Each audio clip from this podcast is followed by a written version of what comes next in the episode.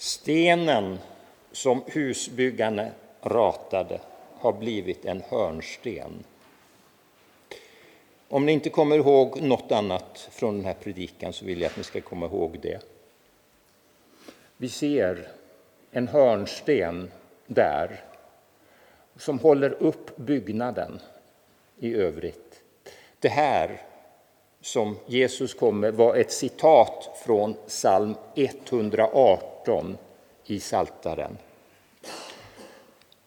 Det är något speciellt med psalm 118 i Saltaren. När det är påsk som judarna har så avslutas påskmåltiden med fyra salmer ur Saltaren och den avslutande salmen är salmen 118. Det är en given en söndagens psalm på både palmsöndagen och påskdagen. Så de här orden finns faktiskt de två kommande söndagarna som saltar psalm. Det är en annan saltarsalm som är dagens och ni ser en bit av det vid de bibliska figurerna. Men nu tänkte jag att vi ändå skulle stanna inför den här saltarsalmen. Eh, idag, när vi har den citerad i två av texterna idag. Eh, den sten som husbyggarna premierade har blivit en hörnsten. Läste jag rätt nu? Nej, ni hängde med. Och Det här är lite grann poängen. Den sten som var föraktad, stenen som var i vägen, det är den stenen som har blivit hörnstenen. Gud utvalde Abraham för att genom Abrahams avkomma så skulle alla släkter på jorden bli välsignade. Och så utvalde Gud ett folk. Mose talade tydligt om att Gud utvalde inte det folket för att det var större än alla andra folk. Nej, det var tvärtom mindre. När en kung skulle väljas så fick Samuel då ett uppdrag att gå till Isai. Och Isai tog fram sju stycken söner, de sju första.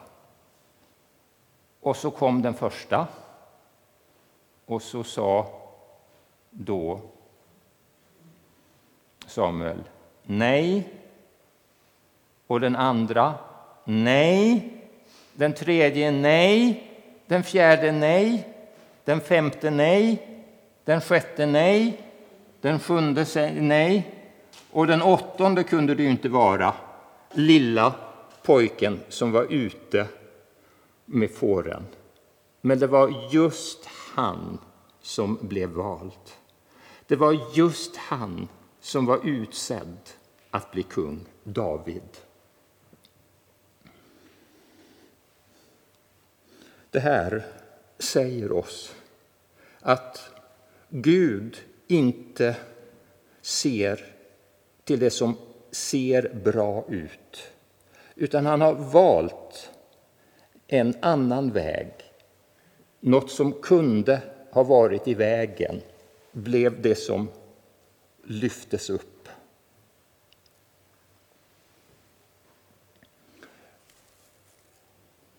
Om jag säger den första versen så kan ni tillsammans säga den andra.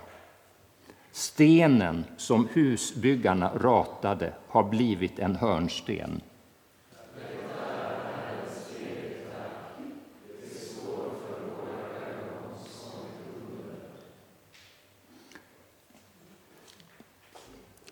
Vi går vidare till evangelietexten.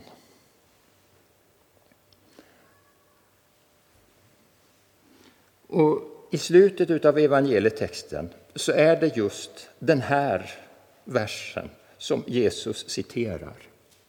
Och ni ser att det finns paralleller i både Matteus och Lukas. Det hade varit palmsöndag. Jesus hade ridit in i Jerusalem. Den undervisningsperiod som det står mest om i Bibeln var inne. Den när Jesus var i templet och folket hade hyllat honom som kung. Men ledarna var fast bestämda om att göra sig av med honom. Det är ju så att Jesus är vägen till Gud. Men för dem var Jesus i vägen. Det var han som hotade deras frihet. Det var han som sabbade deras sabbat genom att bota sjuka när de var samlade till gudstjänst. De var fast beslutna att de skulle göra sig av med honom för att få behålla den begränsade frihet som de hade.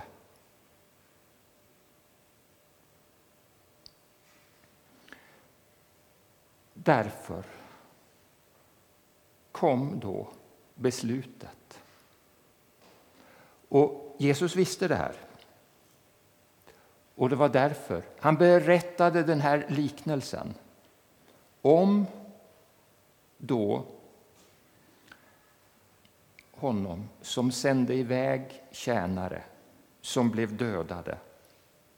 Gamla testamentets profeter som råkade illa ut. Den sista i raden var Sakarja som blev dödad. Levde på 500-talet före Kristus. Och indirekt så visade Jesus för dem att han var Guds son. Sonen blev dödad och han förstod att de var på väg att döda honom. Och det märkliga var Petrus var intresserad av att försvara honom så att han inte skulle bli dödad. Men han visste att det var vägen mot korset som han skulle gå. För det var så förlåtelsen för synderna skulle bli en verklighet.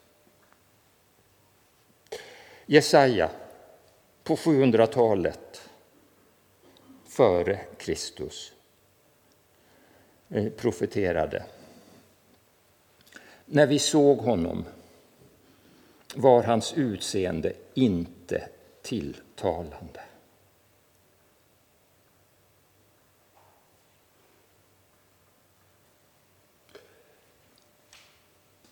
Det var en föraktad profet som var räddningen.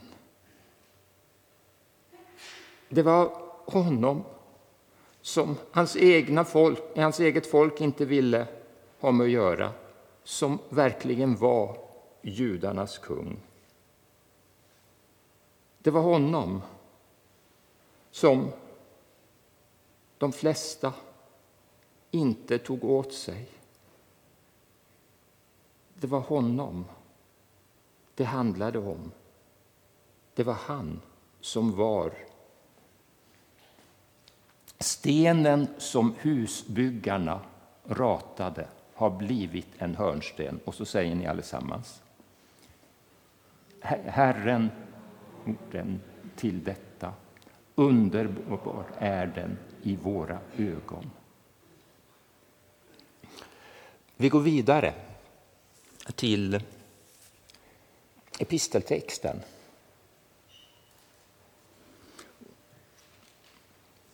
Situationen är den.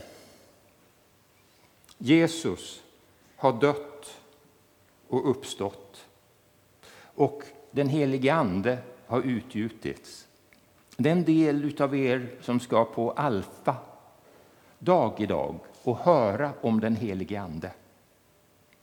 Och något som den helige Ande hade verkat, det var att undren som fanns när Jesus gick här nere fortsatte. Petrus hade fått vara med om att säga till en laman i Jesu Kristi Nazarens namn, stig upp och gå. Och den lame hoppade och skuttade. De som hade sett till att Jesus skulle bli dödad eh, två månader innan. De var tupp, topp, tunnor, rasande. Men Petrus var frimodig och talade om att det är bara här som räddningen finns. Folkets ledare hade föraktat Jesus. Men den sten som husbyggarna föraktade har blivit en hörnsten.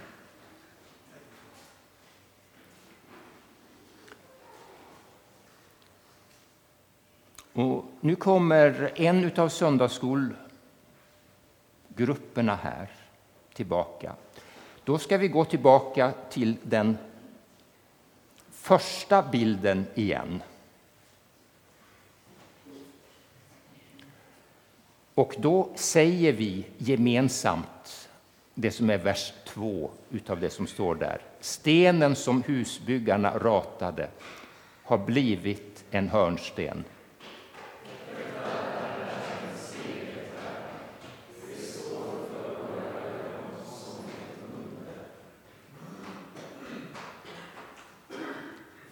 Hur kunde det bli så här? Jo, det var just genom att det här budskapet som de flesta människorna på den tiden och de flesta människor idag tänker. Det här med en man som har dött på korset det betyder väl ingenting?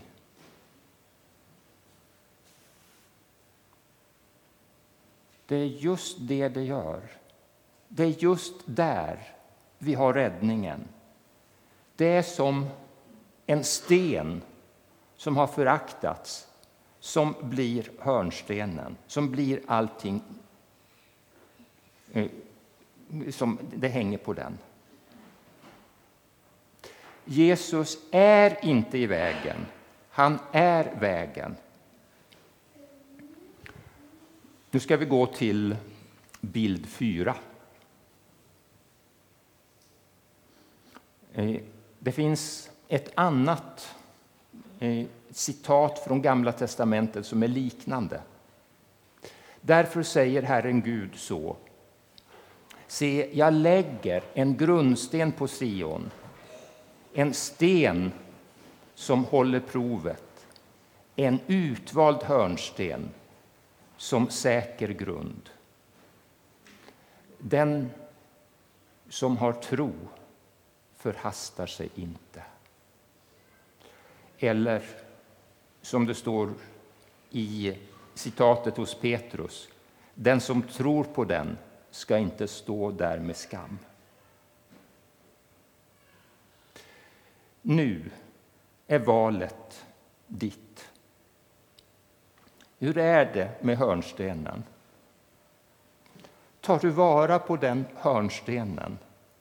Blir det så för dig att det Jesus har gjort och det Jesus är, är det viktiga för dig?